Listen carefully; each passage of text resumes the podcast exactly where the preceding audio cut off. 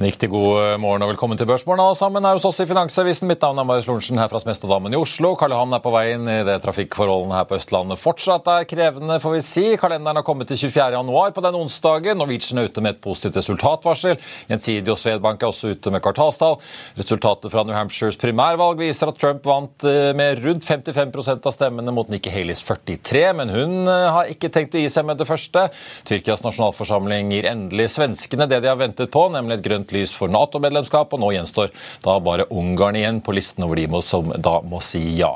Renteinvestorene fikk seg et pent år i fjor, men hva skjer i år? Vi får besøk av Fondsfinanssjef for renteforvaltning, Erlend Lødemel, straks. På kalenderen i dag ellers så nevnte jeg jo disse finansselskapene som kom med tall, altså Gjensidige og Svedbank. Tesla kommer også etter stengetid på Wall Street i dag. ATNT får vi også tall fra. De som kommer før, steng, før åpning, får jeg si, er ASML, som jo også har vært i vinden, gitt det store eksporten vi har sett bl.a. fra Nederland til Kina på halvlederfronten i det siste og eksportbegrensningene som har kommet eh, også på eksportregelverket. Det er rentemøte i Canada før rentemøtene i Frankfurt og Norge i morgen. Og så er tegningsfristen for reparasjonsemisjonen i Norse Atlantic i dag. Den er da 16.30 for de som skulle ønske å delta der. Du kan da kjøpe inntil, eller ikke hver og enkelt av dere, da, men totalt kan man altså handle 9,1 millioner aksjer til 11 kroner stykket. Det samme som i den opprinnelige første runden av emisjonen. Det kan gi Bjørn Tore Larsen 100 millioner til i påfyll i kassen etter de rundt 600 man fikk inn da før før jul. og bare La oss holde oss til fly. da. Norwegian er altså ute med et resultatvarsel hvor de jekker opp forventningen til resultat eh, før eh, renter og skatt for 2023. De sa jo at de regnet med å ende på mellom 1,8 og 2 milliarder kroner. Nå jekker de det opp til 2,2. og De bekrefter også at de lander på en enhetskost på 48 øre per settekilometer før eh, drivstoff. De guidet mellom 47 og 48. Og Årsaken til at de nå jekker opp prognosene sine, det skyldes bedre trafikkutvikling i november og desember. De fikk også oppgjøret da med Bank Norwegian på denne varemerkekrangelen før eh, nyttår. Og så har de også fått noe kompensasjon for forsinkede flyleveranser uten å spesifisere det, men vi regner jo da med at det har kommet en eller annen sjekk fra Boeing. Og så er også valuta- og drivstoffutviklingen bedre enn de hadde håpet på. Den fulle kvartalsrapporten den kommer da 16.2. I markedet ellers så er det ventet at hovedindeksen vil åpne opp 0,2% fra start i dag av DB Markets. Vi så en oppgang på en halv prosent i går. På Wall Street så, så vi jo Dow Jones tikket nedover fra rekordnivået og landet under 38 000 eh, poeng igjen, en kvart prosent. og Det kan vi jo delvis da takke 3M for, som var ned 11% SMP 500 steg 0,3 til ny all-time high. Nasdaq også opp. Og I Asia så har vi også sett at disse ryktene og rapportene om en mulig kinesisk støttepakke for kapitalmarkedet sender markedene videre oppover, med unntak av Nikkei, som er svakt i rødt i dag. Men vi ser Hang Seng ligger opp nesten 4% Nordsjøen også litt opp, men ikke i nærheten av like mye som i Hongkong. Vi ligger opp nå 0,6 etter fallet i går og snuser nå på 80 dollar fatet. 79,86 ligger vi på i spotmarkedet. spot-markedet. Så må jeg ta med forsikringsselskapet Gjensidige, som er ute med tall. De eh, fikk et resultat da, i forsikrings... for skadevirksomheten på 734 millioner kroner i fjerde kvartal. Ifølge estimater hentet inn av selskapet så var det ventet 1,2 milliarder. og Resultatet, som er altså mye dårligere enn ventet, det skyldes selvfølgelig selskapet at de undervurderte kostnadene ved mye av det dårlige været. Resultat for skatt samlet sett ble 1,6 milliarder mot ventet ventet 1,8. Så får vi følge litt med på kursreaksjonen. Aksjen har jo steget mye siden oktober. Og så har Sparebanken Markets eh, tatt for seg den stadig voksende havvindservicesektoren, hvis vi kan kalle den det. De tar opp dekning på Edda Vind med en kjøpsanbefaling og kursmål 32. Aksjen endte rett under 24 i går. Jeg tenkte altså bare å nevne Børsklagenemnden, som da har stadfestet Oslo Børs sitt vedtak om å stryke Univid fra eh, børsen. Et par uh, nyheter for de som følger flybransjen som også har vært å merke seg. SAS har kommet med litt ny informasjon rundt Chapter 11-prosessen sin. Før jul så kuttet de jo hele guidingen sin og sa de heller ikke lenger ville si noe om tiden etter 2024, ettersom de da skal tas av børs. Og uh, nå har de jo da regnet med nesten 6 milliarder underskudd i fjor. Og de sa først at de skulle klare å få en omsetning tilbake på prepandeminivå i år, og også levere et positivt resultat for skatt. Nå sier de at inntektene ender på rundt 48 milliarder i år, mot snaue 47 i 2019, og da er ikke justert for inflasjon. Det justerte resultatet før skatt er nå ventet å ende på mellom 0 og minus 1 milliard svenske kroner, så ikke noe overskudd der altså. Så differansen da mellom SAS og Norwegian er ganske markant, får vi si. Og så får vi også minne om det både vi og SAS selv har sagt mange mange ganger. Det blir ikke noe igjen til verken de usikrede kreditorene eller aksjonærene når da chapter 11-prosessen etter planen skal fullføres før sommeren en gang. Og det er da rundt et års tid på etterskudd sammenlignet med den opprinnelige planen. Et par ting som er verdt å få med seg i avisen i dag. Det ene er eh, Valinus Wilhelmsen som kjøper et par bilskip og synliggjør ganske store merverdier der. Det andre er jo da sagaen i eh, Solstad Offshore som stadig ruller videre. Nå er det da rykende uenighet om Aker faktisk handlet på innsidehandel eller ikke, da de altså kjøpte seg opp ytterligere i Solstad Offshore i den pågående restruktureringen og krangelen rundt eh, den. Vi skal få inn dagens gjest og er tilbake rett etter dette. Vil du bli oppdatert på det viktigste som har skjedd innen finans og næringsliv? Da er det bare å følge med, for hver morgen er jeg, Marius Lorentzen og aksjekommentator Karl Johan Malnes på plass i studio for å ta tempen på dagens marked i Børsmorgen. Og hver ettermiddag oppsummerer vi alt du trenger å vite i økonominyhetene, og det blir selvfølgelig masse interessante gjester. Klikk deg inn på fa.no-tv, eller søk opp Børsmorgen og Økonominyhetene der du hører på podkast.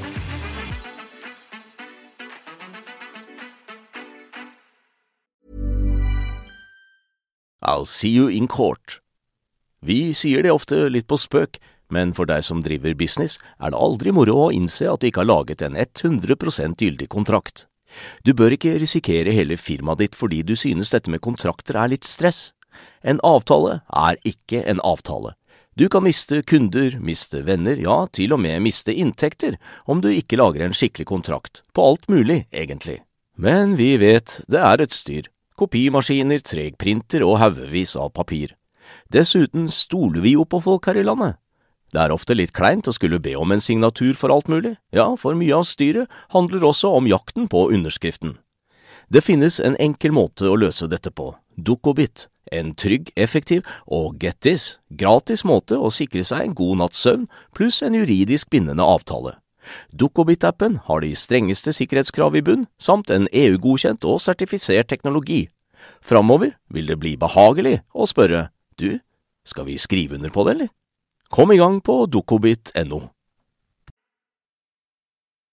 Oslo Børs åpner opp 0,3 eh, fra start. Så får vi se om vi kommer oss over 1290 poeng igjen i løpet av dagen. Norwegian ser ut til å få en veldig pen start på dagen, opp nesten 6% etter det positive resultatvarselet. Ikke like hyggelig for Gjensidige, som nå ligger ned litt over 5 etter skuffende kvartals, eh, en skuffende kvartalsrapport fra forsikringsgiganten. Nå skal vi snakke renter, for eh, dagens gjest leder jo da en avdeling som leverte en avkastning i hvert fall på high yield-fronten på nesten 12% i fjor og et kredittfond som leverte et knepp under 7,5 Det er bedre enn meglerhusets eh, helsefond og fornybar leverte i fjor, men ikke like bra som Nordenfondet, som steg 25 av en lønnmeld i Fondsfinans. Velkommen til oss. Takk for det. Ja, Du har jo holdt på med renter en god stund. Eh, hvordan er det å være renteforvalter i disse dager? Når du Nei. ser disse tallene? Nei, Det er jo veldig hyggelig, det. Det, det er gode tider innenfor for høy rente. Vi har jo fått eh, styringsrentene fra sentralbankene gått opp, og det er jo på en måte grunnlaget for for avkastningen. Og så får vi også ganske bra kredittpåslag på toppen av det. Så, mm, så lenge det ikke skjer noe veldig uforutsett, så, så, ser det ganske bra ut. Det er jo det vi må grave litt av hva som kan skje i år. Men uh, hvordan er interessen? Vi har jo sett andre aktører mellom en veldig stor pågang inn i rentefondene deres. Så var vel Holberg ditt som skulle stenge for uh, nye tegninger. Er det sånn du også må begynne å be folk komme igjen uh, neste måned, eller? Ja, Vi er ikke helt der ennå. Men uh, det er jo noe som må vurdere i et relativt illikvid marked. Så, uh, så hvis en skal ha manøvreringsmulighet i, i, markedet, så er det en fordel å ikke være altfor stor. Men dere har hatt en netto økning gjennom denne liksom, syklusen? eller? Ja, ja. Det, det, tror jeg det gjelder de fleste forvalterne. At en har generelt sett en eh, flyt inn av kapital innenfor rentefond. Hvordan ser liksom fordelingen ut? Velger folk liksom litt begge deler? altså Både kreditt som er litt sikrere papirer, og high yield? ja. kan gi litt mer, eller? Det vil jeg si. Men ja. Eh, vi merker vel det at folk eh, kjøper fond basert på historisk avkastning også. Så ja. når Heiel har gjort det bedre, så merker vi litt eh, ekstra interesse rundt det. Vi må, jeg nevnte jo Solstad Offshore. Nå skjønner at du sitter ikke investert i noen av rentepapiret der. Men uh, du sitter i Doff. som jo uh, dere har vært med gjennom da restruktureringen, fikk ut aksjer, og som jeg skjønner fortsatt sitter med en del aksjer, i hvert fall i high yield-fondet? Ja, det stemmer. Ja. Vi, uh, vi, har foreløpig ikke solgt så mye i selve high yield-fondet. Vi har solgt det vi hadde i kreditt, men, eh, men, det har jo vært en veldig hyggelig reise fra, fra emisjonen i fjor sommer. Eh, på 28-kurs til eh, ja, var vel oppe og snuste på 58 i kurs her nylig, så nesten en, ja, en, en drøy dobling. da. Eh, så det er klart det har bidratt positivt eh, både siste år og siste to åra i, i high yield-fondet. Og så er vel alfa og omega hvor man kommer inn som renteinvestor, for det er jo ikke alltid man kjøper på, på si full verdi. Du kan jo gå inn og kjøpe i annenhåndsmarkedet til langt under pålydende. Ja, ja. og det, det, gjorde vi jo til dels. Vi var jo med ned eh, på nedturen inn i, i obligasjons, Doff Sub-obligasjoner som vi hadde da, men så kjøpte vi litt mer på, på bunn og kom heldig ut av det. Ja. Så Det illustrerer det poenget at eh, det å havne i en restrukturering er jo ikke nødvendigvis alltid av det, av det vonde. Uh, ofte taper en jo litt penger, men uh, enkelte ganger så treffer en på en måte jackpot. Ja. Ja, sånn som jeg så i Solsand, så er de veldig opptatt av at kreditorene får igjen da, pengene. Men jeg så Eksfin, altså statlig eksportfinansen, de solgte ut av Doff. Eller i hvert fall mye av det nå her om dagen. Hva slags regler har dere å forholde deg til på high yield-siden, siden du fortsatt kan sitte der? Eh, vi skal jo ikke drive aksjeforvaltning i det lange løp, Nei. men samtidig så ønsker en jo ikke eh, på en måte selge, selge, til en lav pris. Hvis en føler at det er god verdi i det, de papirene en sitter på, så, så ønsker en å sitte på det lengst mulig. Ja. Si litt om hvordan markedet har utviklet seg i det siste. Da, for Vi så jo en rentetopp var vel sånn rundt vi kan vel si oktober. i hvert fall Hvis man ser på tiåringen i USA, var liksom å snuste på fem. og Så har vi vært nede, det var vel 3,88 på det laveste omtrent. og Nå har vi jo vært over fire igjen mye flytende renter i Norden, altså det hjelper jo litt. Men uh, hvor mye driver det liksom, verdien for uh, fondsinvestorene dine? Altså, I vårt fond så har vi rundt omkring 20% fastrente, og resten er flytende. Uh, så det at rentene har kommet ned fra oktober, har gitt en liten boost. Men vi har jo det som er på en måte kjennetegnet for nordisk høyrente, er jo at det er mye flytende rente. Ja. Eh, og, og, det ser det jo ikke egentlig ut til at det blir noe særlig eh, endring på, på nivået. altså At, eh, at styringsrentene for sentralbankene vil fortsatt være høye gjennom 2024, og sånn sett danne grunnlaget for, for god avkastning innenfor høyrentepapir. Ja. Ja, det, ja, når du sier 20 Er det da i high yield-fondet du er i 20% fast, eller? Det gjelder begge, begge. begge fondene. Ja. Ja, fordi da hvis du får eh, Det er vel det som er det store spørsmålet, om du får alle disse rentekuttene som mange har priset inn i markedet eller ikke. Det virker som en del sentralbanktopper rundt omkring i verden er ute og prøver å liksom dytte og tone litt ned forventningene om eh, rentekutt. Men hvis vi skulle få det, hvor fort vil man liksom merke det i disse fondene, da, at avkastningen kommer ned? Og, altså Gitt at rentebetalingen til selskapene også begynner å tikke nedover? da? Ja, Det vil jo komme løpende med ja. ganske kort etterslep på, på det flytende papiret. Eh, at kupongavkastningen blir litt lavere. Men eh, det kan jo også ikke sant, Det er jo et spørsmål om hva verdi eh, investorene setter på det. og ikke sant, Du kan jo få en kursgevinst som følge at folk føler at faren er over i den grad en har vært bekymra for global resesjon og den slags. Eh, når det gjelder fastrenten, så er jo den Den har jo allerede prisa inn det som ligger av rentekutt, og kanskje i overkant mye rentekutt også. Markedet priser inn siste sjekka rundt seks rentekutt i, USA, og sentralbanken har indikert tre. Så, så det er ganske stort. ECB vil ikke snakke noe om noe rentekutt. Så, ja. Nei, sant. Nei. Så, så, lønnsveksten i eurosonen er høy, og ECB vil holde, holde litt tilbake der, eh, tydeligvis. Men eh, jeg antar jo dere konkurrerer litt om eh, hvor folk setter pengene i rentemarkedet. Jeg ser jo sist i den desember-rapporten dere sendte ut, så påpekte dere at high-markedet i USA endte opp 13,4 i fjor, Europa 12 igjen, Norden 10,9, da, i hvert fall ifølge DBs indeks. Eh, hvordan skal Norden slå liksom tilbake på det? Er det noen spesiell grunn til at eh, man gjorde det bedre ned på kontinentet og på andre siden av dammen? Nei, altså det er vel litt sånn at kan du si kredittpåslaget i Norden har vel hengt litt etter kredittpåslaget i eurosonen. Og det er jo egentlig et, eh, et, positivt signal med tanke på 2024. At vi kanskje kan ha litt å gå på relativt til, til det internasjonale markedet. Det det, ja, fordi man er mindre nervøs for hvordan bedriften skal klare seg? Ja, Det er vanskelig å, det er mange forklaringer på, på den utviklingen. Jeg er litt usikker på hvorfor det er sånn. Men, eh, men i fall, eh, det, det kan se ut til at kreditpåslaget i Norden generelt er, er litt uh, høyere i forhold til historikken da, uh, mot, mot, utlandet. Uh, noe av det kan jo skyldes at en del selskaper har havna i trøbbel, og at du si, kredittpåslaget for enkeltselskap har, har, dratt opp. Så det er jo en divers masse av, av selskap vi snakker om her. Men jeg har ikke gjort noe sånn større research på, på akkurat det, om hva som er drivende nøyaktig på, på økningen i kredittpåslaget relativt til utlandet. Hvis man skal være investor i 2024, da vi hadde, Dere var vel egentlig kollegaer i sin tid i Arctic Security Scout Eie, som nå er i Eika her i går. Eh, og der var det liksom, Han sa at de i Eika trodde at dette ble et ganske kjipt år. Vi har jo sett mye dramatikk i Rødehavet. Det er mye ulike elementer som forstyrrer, og oljeprisen holder seg kanskje ikke så bra. Det skal jo heldigvis for din del oljeselskapene fortsatt betjene gjelden sin, da, uansett hvordan oljeprisen eh, går. stort sett. Eh, men hva er de viktigste faktorene for en renteinvestor å passe på i det nye året, sånn etter din vurdering? da? Ja, nei, Det er et vanskelig spørsmål. Eh, mange ting en må, må, tenke på. Sånn, Overordna så er det jo spørsmål om det blir en resesjon i eurosonen USA. Uh, om det kan føre til uh, kan du si, uh, økt ris redusert risikoappetitt i, i kapital kapitalmarkedet generelt. og Går aksjemarkedet ned, så vil nok det også legge en demper på optimismen innenfor høy rente. men vi, vi, vi presenterte jo akkurat våre økonomiske utsikter i forrige uke. Og Eh, vi konkluderte jo med det at eh, når inflasjonen nå er kommet såpass godt ned mot, eh, mot målet, sammenlignet med for et år siden når inflasjonen var 9 og 10% så er jo sikkerhetsnettet tilbake under markedet ved at sentralbankene nå lettere kan kutte renta hvis det viser å være behov for det. da. Så vi føler at risikoen ved investeringer i kapitalmarkedet generelt nå er lavere enn det var for et år tilbake. igjen. Eh, det er ikke noen garanti for at det ikke kan gå sørover i løpet av året, men eh, vi, føler i fall, eh, vi, vi har iallfall slått av en positiv tone på, på top-down. Når det gjelder enkeltfaktorer ellers, så er det, det er jo spennende å følge med på det nordiske eiendomsmarkedet. Ja. Skyr du det helt, eller? Altså, Nordisk eiendom var jo det som trakk mest ned i fjor, og vi holdt oss jo unna. Eh, og vi har vel egentlig ikke tatt noen stor eksponering i det etterpå heller.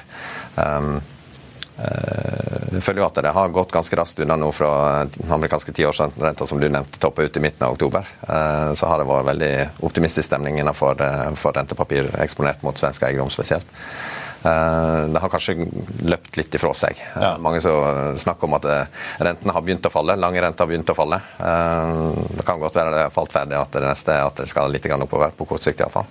Så, så, vi har fortsatt litt is i magen for å se an utviklinga der, og ikke minst fjerde kvartalstallene fra eiendomsselskapene i Sverige. Ja, for Jeg merket meg, jeg har jo hatt Bård Bjølgerud her tidligere i Collier, som jo følger eiendom veldig tett. og Han var ganske tydelig på hvordan liksom, kapitalmarkedet har jo priset en eiendom ganske brutalt. Og så sitter jo takst med en uh, bokførte verdier i regnskapet som kommer liksom etter, som regel. Uh, nå får vi jo besøk av han ikke så veldig lenge med nye oppdateringer fra Colliers. Men jeg liksom merker man en del av meglerhusene har begynt å snakke litt mer positivt, i hvert fall aksjesiden på eiendom. At de jo kanskje kommer utbytte fra Castellum i 2024. og Du merker liksom litt et taktskifte. folk begynner å se liksom, hva kan skje nå hvis vi nå er på en eh, slags bunn. Jeg antar jo dere har hatt muligheten til å gå inn på ganske lave eh, verdier i disse rentepapirene til eh, de svenske, særlig da de svenske eiendomsaktørene, men sikkert også aktører som Entra og andre ja, absolutt. i Norge. Men vil du liksom se at man får en slags forløsning på en del av disse restruktureringene og refinansieringene som ikke er gjort ennå, eller? Ja, vi, vi, vi har foreløpig sett det litt an. Vi har vurdert å kjøpe eiendom, vi har sett det har gått veldig fort oppover i kurs i det siste. så som sagt, vi har litt is i magen eh, foreløpig på, på, den fronten. Eh, eh, disse hybridpapirene i eiendomsselskapet er jo ekstremt spennende. handler jo gjerne på kursene på både 20, 30 og 40% av pålyderne. Så det er klart det sier jo litt om risikoen. Ja. ja. for det er det, ikke sant? Hvis du da, hvis du da treffer, og du får kjøpe deg inn på 20-30 da kan det jo bli helt fantastisk avkastning. Ja, hvis det blir full utbetaling. Så vi jobber, jobber hardt med det nå og se, se nøye på disse eiendomsselskapene om det er noe som er verdt å ta i. Er det noen andre sektorer dere har holdt dere unna nå? For det er vel den store faren for renteinvestorer er hvis selskapene enten går konkurs eller de må restrukturere og man må få en konvertering av gjelden eller eh, på andre måter i hvert fall ikke får tilbakebetalt uh, lån og ikke får betjent renter. Mm. Er det noen andre sektorer hvor dere tenker at den ja, altså vi har jo eh, sett en del innenfor eh, internetthandel. Eh, altså detalj, detaljhandel. Ja, varehandelen på nett. Ja. Desenio og Ellos er to selskap som har, der obligasjonen handler på rundt 70 i kurs. Så, og vi ser at de, de sliter litt med finansene. men Men når det er sagt, så har jo de tilsynelatende klart å snu skuta litt de siste kvartalene, og, og de tjener fortsatt penger. Så, så forhåpentligvis ender det opp med å, å gå bra. Vi har vært involvert i en del restruktureringsprosesser. Noen kaller det litt tilfeldig eh, prosjektutviklingsfiaskoer. Ja. Og andre er bare rett og slett en funksjon av at eh, innenfor detaljomsetning og også litt innenfor markedsføring så har har en del selskap eh, slitt litt med, med, å opprettholde inntektene sine. I tillegg til at rentene har steget kraftig, så merker de rentebelastninga ganske godt. Ja. Eh, så vi har vært involvert, i likhet med våre konkurrenter, vil jeg tro. jevnt over, så, så, vil jeg nå Jeg må jo regne med når den driver innenfor høyrente at av og til så, så, så, vil du måtte være med på en restrukturering. Men, eh, men, det virker som at eh, markedet blir stadig mer profesjonelt. Så vi har hatt et høyrentemarked i Norden nå som har operert i mange år, blitt stadig mer diversifisert.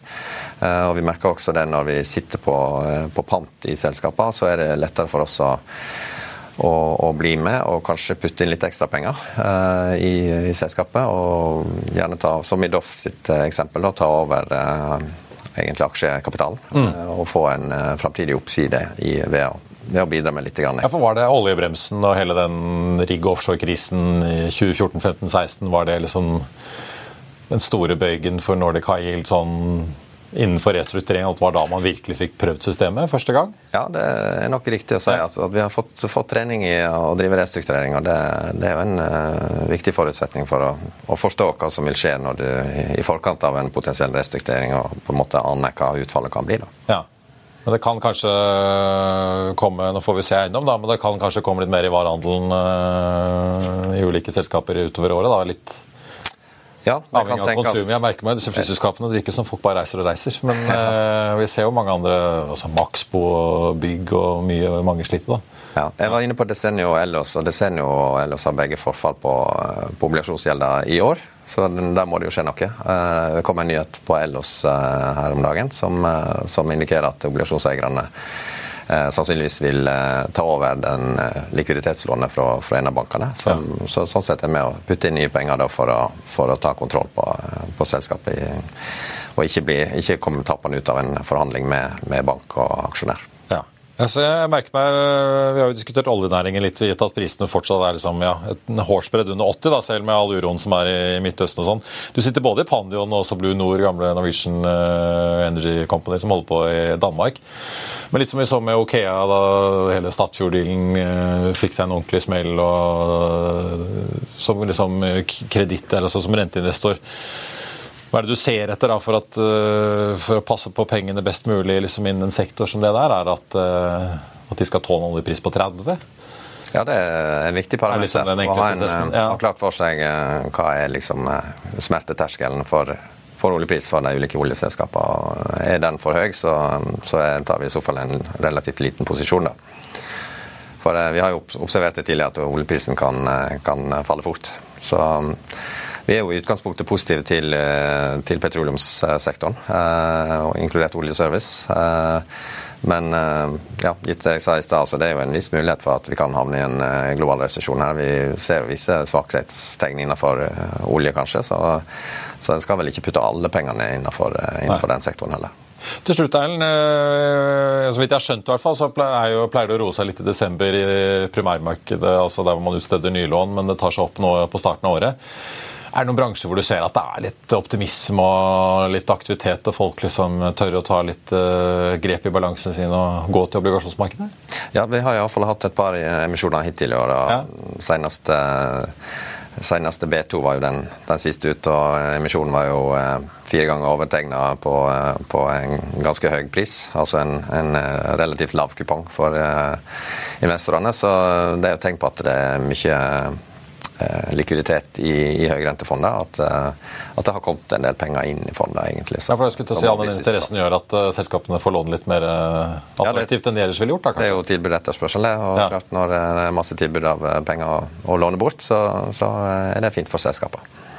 Og hva er, Hvis folk nå setter penger i rentefond da, som en slags beskyttelse mot uh, hvis ting smeller og man ikke har lyst til å sitte i aksjer, vi hadde jo et scenario her på starten av 2020 da pandemien kom, hvor vi så en del høyrente bare altså Det frøs jo nesten opp noen eh, få dager der og fikk en veldig knekk før det kom seg igjen. Er det liksom det verste i teorien som kan skje hvis vi får en sånn øh, ordentlig krisesituasjon av et eller annet slag? Jeg føler jo det. Uh, hvis man skal ha en eller annen referanse for å forberede seg på hva eventuelt denne ja, altså, investeringen din kan bli utsatt for? Får vi en, får vi en mild resesjon nå, så er vel den nærmest prisa inn. Får vi en litt dypere resesjon, så vil jo det være verre. Men, men du kan si koronakrisa var jo nærmest svartedauden. Altså, en frykter at en måtte flytte på fjellet og leve på hermetikk, og at hele økonomien ville kollapse i verste fall. Så, så forstår, det er forståelig når det skjedde så raskt også. Eh, og det var et problem for høyrentemarkedet, som, som jeg sa i stad, er relativt illikvid. Da, når ting skjer veldig fort, da, så får ikke markedet tid til å justere seg. Nei. Så, så, det ble et veldig brått fall innenfor for høyrente, og overraskende for, for, de fleste at det kunne falle såpass mye, sammenlignet også med aksjefond som eh, en var forberedt på skulle falle mye, men eh, høyrentemarkedet falt egentlig nesten like mye som aksjemarkedet på et tidspunkt der. og og Det var en overraskelse, men eh, det henta seg jo fort inn igjen da, i løpet av 2020. Så året som helhet endte jo ganske, ganske, brukbart. Ja, det var det. ja. Så det er en sånn worst case-scenario, så er det en illustrasjon på hva som kan skje? da. Ja, det vil jeg si. Du er en Lønnemel i Fosmark, Tusen takk for at du kom til oss. Det blir nok et uh, spennende renteår i 2024 òg, vil jeg tro. Hyggelig å se deg, Karl Johan. Uh, jeg vet ikke om du har fått fortært rentediskusjonen min med Ellen uh, Lødemel, men det er jo imponerende å se hvor mye disse, særlig high yield, da, men også liksom disse gåsende vanlige fondene på investment grade-papirer leverer for tiden. Og det gjør de jo der i går hos Alfred Berg og Sissener og hele gjengen. Det er et produkt som er i tiden, altså ja. renteprodukter. Så det ser ut til å fortsette å, være gode alternativer. En, en, stund til. En stund til. Vi får se. Men ja. uh, det, er i hvert fall, det får være hyggelig for selskapene da, når interessen er så stor at uh, de kan gå litt som Beto gjorde og tydeligvis hente penger til bedre vilkår enn de ellers uh, kunne hoppet på. Skal vi snakke litt om hva som har rørt seg på andre fronter, inkludert Netflix? Kom med tall i går. Ja. Aksjen var jo opp nesten 9% i etterhandelen til tider, så jeg. Overrasket jo med 13,1 millioner nye betalende abonnenter, og det var jo ventet ventet at de skulle ende på 206, nei, 256 millioner eh, betalende abonnenter. Endte på 261. Inntjeningen litt dårligere enn ventet, da, men uh, likevel de hinter om videre prisøkninger. Da. Ja, vi, uh, vi, skrev for snart et år siden at Netflix er vinneren i strømmekonkurransen. og De manifesterer jo dette her fordi de har prisingsmakt.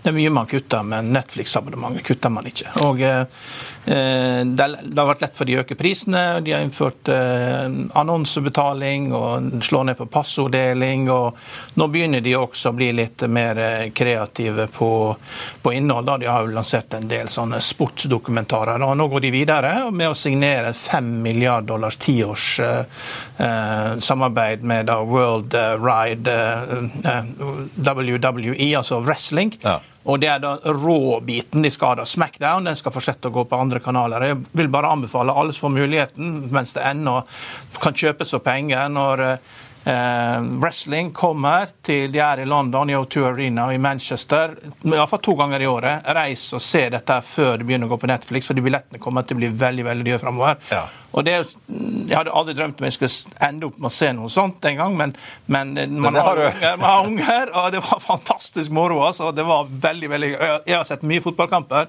i Helt topp, altså, med verdensmesterskapsfinaler og semifinaler, alt mulig rart. Men det her var liksom det, det var virkelig moro. altså. Så, så, dette kommer til å gå én gang i uka. Det kommer til å dra masse tilskuere til både wrestling og til Netflix, fordi dette her er morsomt, altså. Og det er scripted. Ja, det er si. Det er jo, det er, det er jo et underholdningsshow, fordi det er jo ikke, det er jo ikke en sport. Er jo, er her er det manus, og alt er planlagt. Ja. Eh, og det gjør jo at dramaet da eh, Det, dette er spennende greier.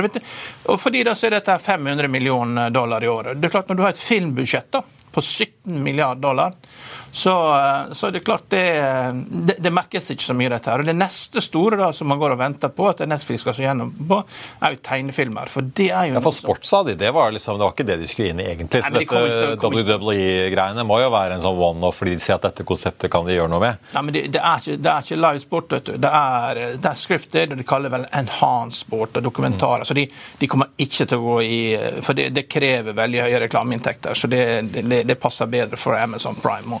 Men dette her, er, eh, dette her kommer til å ja, sørge for at de får sett over Og De sier også nå at det spiller ingen rolle hva de andre konkurrentene gjør nå, om de slår seg sammen. Sånt, det spiller ingen rolle, sier de. Nei. Det, det er nummer én, og det kommer til å fortsette å være en god stund framover. Og tegneserier, da altså, Minsten hjemme oss sitter og ser på en del av disse Netflix-barneseriene innimellom. Eh, men Bob Iger i Disney får vel en ny hodepine til, han, hvis eh, Netflix går all in på dette her? Ja, jeg forstår at det å lage en tegnefilm det er veldig arbeidskrevende. Det kan ta opp i tre til fire år. og Der kan jo virkelig da kunstig intelligens hjelpe til å redusere. og Det skaper jo problem for Disney, da, at det blir lettere å lage nye tegneserier. Så det vil kanskje noen filmkritikere og underholdningskritikere komme og si at eh, AI-generert tegnefilm er liksom ikke det beste ja, mentalt stimulerende. Passe på at det blir fem fingre og ikke seks. ja. Ja, det er bare at På reklamen etter Sporveien uh, som gikk før eh, jul, så kan man jo se at det er ting der som ikke helt stemmer. Eller ikke hadde gått i virkeligheten. Ja. Nei da, vi får uh, se. Vi får Tesla i kveld. ASML får vi også. ATT kanskje ikke så spennende. Vi får se om ATT kommer med noe nytt som kan løfte Eriksson-aksjen litt. Jeg så det med Markus påpekte ja. At 5G-investeringene henger litt etter. Telenor har jo snakket litt om det samme, at de, de tar det litt roligere i 5G-utrullingen.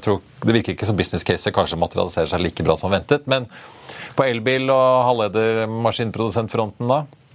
Ja, Det er jo Texas Instruments da, som kommer tall. og Det er jo sjette kvartalet på rad tror jeg, med fallende inntekter. og eh, Fred Hickey, som har skrevet eh, te sånn technology newsletter eh, i 25 år, sier at det her, her er det bare det er kansellering av ordrer, og det er, eh, det er ikke noe lys i sikte her. og Det er derfor Nordic Semiconductor er ned med 3,5 Det er det siste sjekka. Det er jo for at de Texas Instruments er jo på veldig mye av de samme type chips. da, dette Med 4-4 er Nordic ja, Semi nå. Ja, for Gaute Eie eh, ja. diskuterte jo litt her i går med deg og Benedicte om liksom, han, han, han var for tidlig, men det visste han jo sjøl, da. Men han må jo være forberedt på at uh, noe sånt skjer. da, fordi uh, det er jo veldig sykliske halvledere, og selv om aksjen har falt med 50 så må man jo vente til at du ligger krøka i senga hjemme og lurer på om verden går den for å kjøpe denne type aksjer. Det er syklisk. Ja.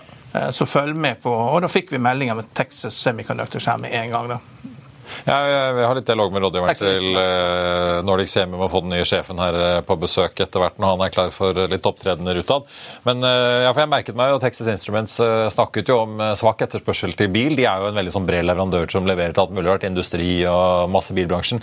Tesla har vært ute og kuttet prisene i år igjen. De kuttet det på starten av fjoråret. for Det var derfor jeg også kom på Gaute Eie sin opptreden her i går. Han snakket jo om hvordan han tror, og de tror da at Kina kommer til å knuse elbilmarkedet, sånn som de nå toger inn med Vi ser jo altså BYD, Build Your Dreams, som har gått forbi Tesla i antall eh, elbiler de produserer eh, nå. Så det er vel ikke det at elbilsalget i Norge går litt trått som gjør at Tesla kutter prisene?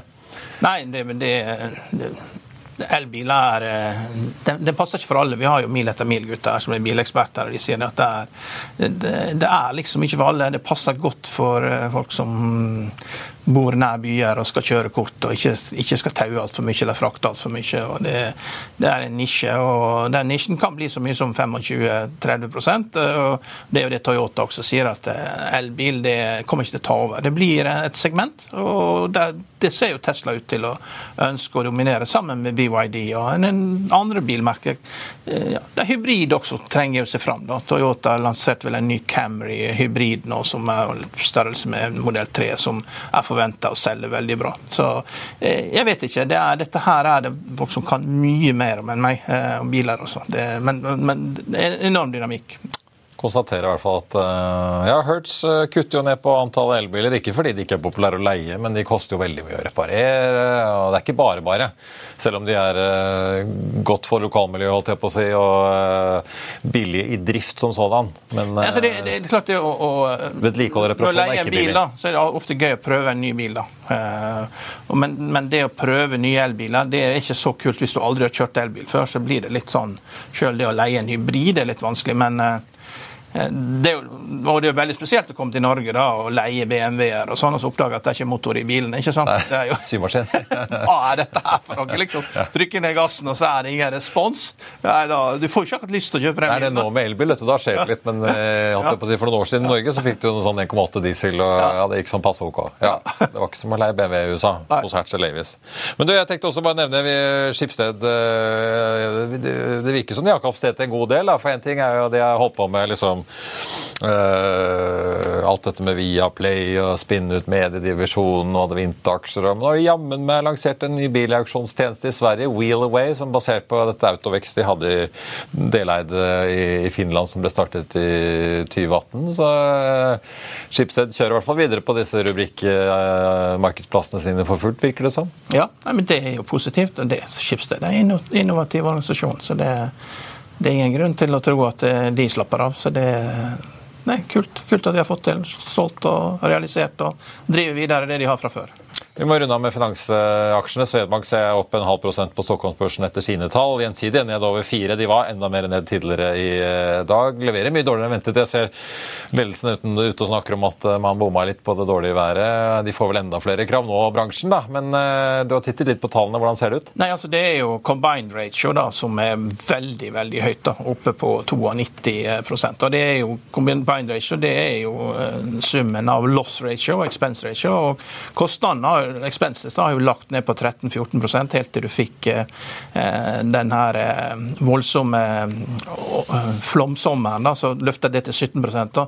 Så det her betyr jo at loss ratio, da, hvis, du antar vanlige kostnader på 13 da, så har jo liksom loss ratioen gått fra 70 til 80. Så det er jo det er et voldsomt løft. da, og På veien inn her i dag så har jeg jo sett, eh, sett eh, ganske mange Skadesesongen er ikke over ennå. Skadesesongen er ikke over. altså, Det, det kan være fristende at eh, når, når, når Volvo. Volvo selger sine biler, da, at de tilbyr sjåførene litt sånn glattkjøringskurs, og hvordan man ikke skal kjøre på syklister i, i, i, i fotgjengerfelt. For Hvorfor er det bare Volvoer som ligger i grøfta? liksom, Også der er jo Hva er det som er feil med Volvo-sjåførene? liksom, liksom, eh, det er merkelige greier. altså, Du må jo ikke trykke på bremsene når det er is på veien. Eh, Jeg har ikke lært dette her. Nei, Da må man bruke grepet å styre, Ja. lærte jeg på kjøreskolen. Ja, og og det, kjører de, lite, de har trygge biler, kjører lite, er det som er greia. Men eh, jeg har sett, sett en stygg ulykke rett ned i bakken her, faktisk. for En syklist som har blitt påkjørt. Så det, men også bil i grøfta på vei innover. Og det har vært en stygg ulykke på E6 som har gjort at masse biler må over på sånne lokalveier. Og der er- har jo vært is i dag, så det det har vært eh, Bambi på isen innover. og Da må man kunne kjøre på isen. altså. Så jeg tror det er glattkjøringskurs tror jeg at det forsikringsselskapene bør tilby til alle kundene sine for å, for å få ned skadeprosenten. For det er, ikke, det er ikke pent, det som har skjedd i dag. og Dette er bare det jeg har sett. Ja, jeg tenkte Trygg i Danmark er litt nede i dag. Storbrann faktisk opp eh, 0,2. Men det er jo, jeg har jo hørt flere snakke om at 2024 blir som forsikringsselskapenes eh, år. Tror du dette blir en one-off for eh, Gjensidige da, eller er det Altså, Vi må jo se på aksjemarkedet. Nå har vi jo har mista PGS da, som aksje, hvor det var bare kjøp og salgsanbefalinger. Det har du samme med Gjensidige. Sist jeg så nå, det, det er mye kjøp og det er mye salg. Da. Så her er man uenig om aksjen. Så det, det betyr jo at Gjensidige blir en tradingaksje. Jeg tror den skal videre ned, fordi at eh, de som har hatt selg, de vil jo få vann på mølla og, og, og kjøre videre på det. Og eh, det som skjer nå, betyr jo det at det blir jo dårlige tall i første kvartal også. Det er mye sprengte rør og mye trafikkulykker. og man, ja, man er jo ikke vant til dette. her. Jeg er vant til at det skal være så dårlige forhold. Den snøen som vi hadde forrige uke også. Det er nødt til å bli dårlige tall. Da. Så da vil jeg tro det at eh, gjensidig skal man bare fortsette å selge, iallfall eh, tre måneder til. Og, og, og da får analytikerne, akkurat sånn som i PGS, de får kjempe da om å ha kjøp og salg. og det, Først var det nesten bare holdanbefalinger på gjensidig, men nå har det spredt seg da, til å være kjøp eller salg. Det er, eh, vi får se. det er kanskje, kanskje vi skulle gjort som floridianerne og droppet å ha kjeller. Hvis det er sånn at vi skal på sommeren få masse sånne store regnskurer som eh, fyller kjellerne. Og så på vinteren så kommer det jammen med metervis med snø før det plutselig blir mildvær så alt skal smelte og, og, i tette rør. Og, Men det, paradokset er også det at eh, skadeforsikringsselskapene nå er jo liksom i all time high i USA. da.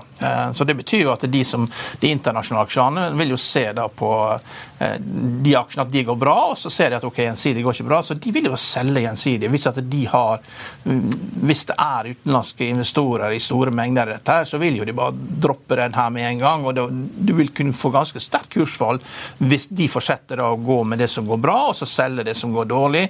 fordi at de vil jo få rapporter om at det er dårlig også dette, dette kvartalet her. Så det, eh, det er absolutt en aksje å være forsiktig med de neste tre månedene. Vi får uh, følge med, som det heter. Det er, det er, i hvert fall en bransje som er en interessant tid, da, med litt langsiktige utfordringer på mer intenst altså, du, vær som de må begynne å ta hensyn til. Da. Du kunne kjøpe dette for utbytte, men nå får jo du 5% rente i banken. ikke sant? Så hvorfor i all verden, eller 5% på på, på pengemarkedsfond, og du får enda høyere på high yield-fond. Så du trenger liksom ikke å sitte og holde aksjen for å få utbytte på 5 Og det er ikke sikkert det blir så bra utbytte heller når du har så dårlige resultater. Nei, jeg tenkte, Men de jo, de jo, disse forsikringsselskapene får jo også drahjelp av økte renter. Da. De sitter jo og forvalter mye penger eh, som de får inn på premieinnbetalinger før skadeutbetalingene, som jo, eh, nå forventer seg mye bedre enn før? Det er mye enklere å drive med skadeforsikring når kunden ikke er opptatt av penger. Eh, når, når, du må snu på hver eneste krone, og folk driver og skifter forsikringsselskap, eh, da er det mye vanskeligere. Men klart når, når, når du kjører på sånn månedlige trekk, og folk er helt bedøvde, da er det mye lettere å, å gjennomføre prisøkninger. Men det er ikke, det er noe, dette er ikke noe ideelt marked å drive med skadeforsikring og øke prisene på, fordi da vil folk begynne å shoppe rundt. Watch out. Ja.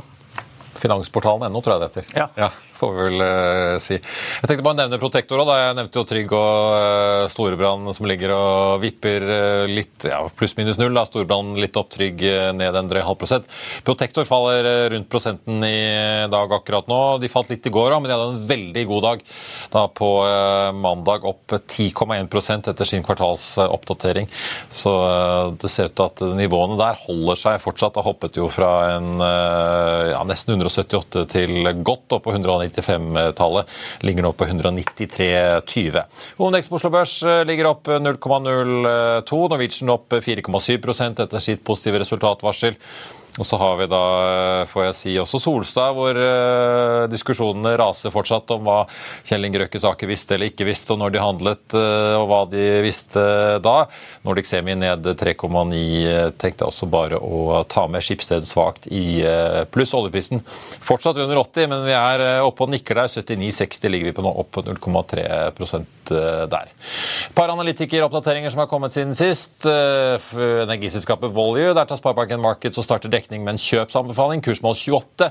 Den endte i går da på 21,90 og ligger fortsatt uendret i eh, dag. Nell stiger 4,4 Goldman Sachs tar og kutter kursmålet der fra 11 til 8. Gjentar imidlertid kjøpsanbefalingen sin. Den endte i går på 5,40, ligger nå altså på 5,61.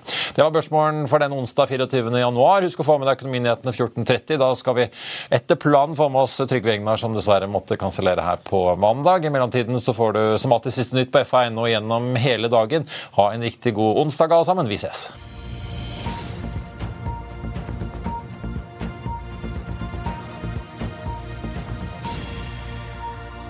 Økonominyhetene er en podkast fra Finansavisen. Programledere er Marius Lorentzen, Stein Ove Haugen og Benedikte Storm Bamvik. Produsenter er Lars Brenden Skram og Bashar Johar. Og ansvarlig redaktør er Trygve Hegnar.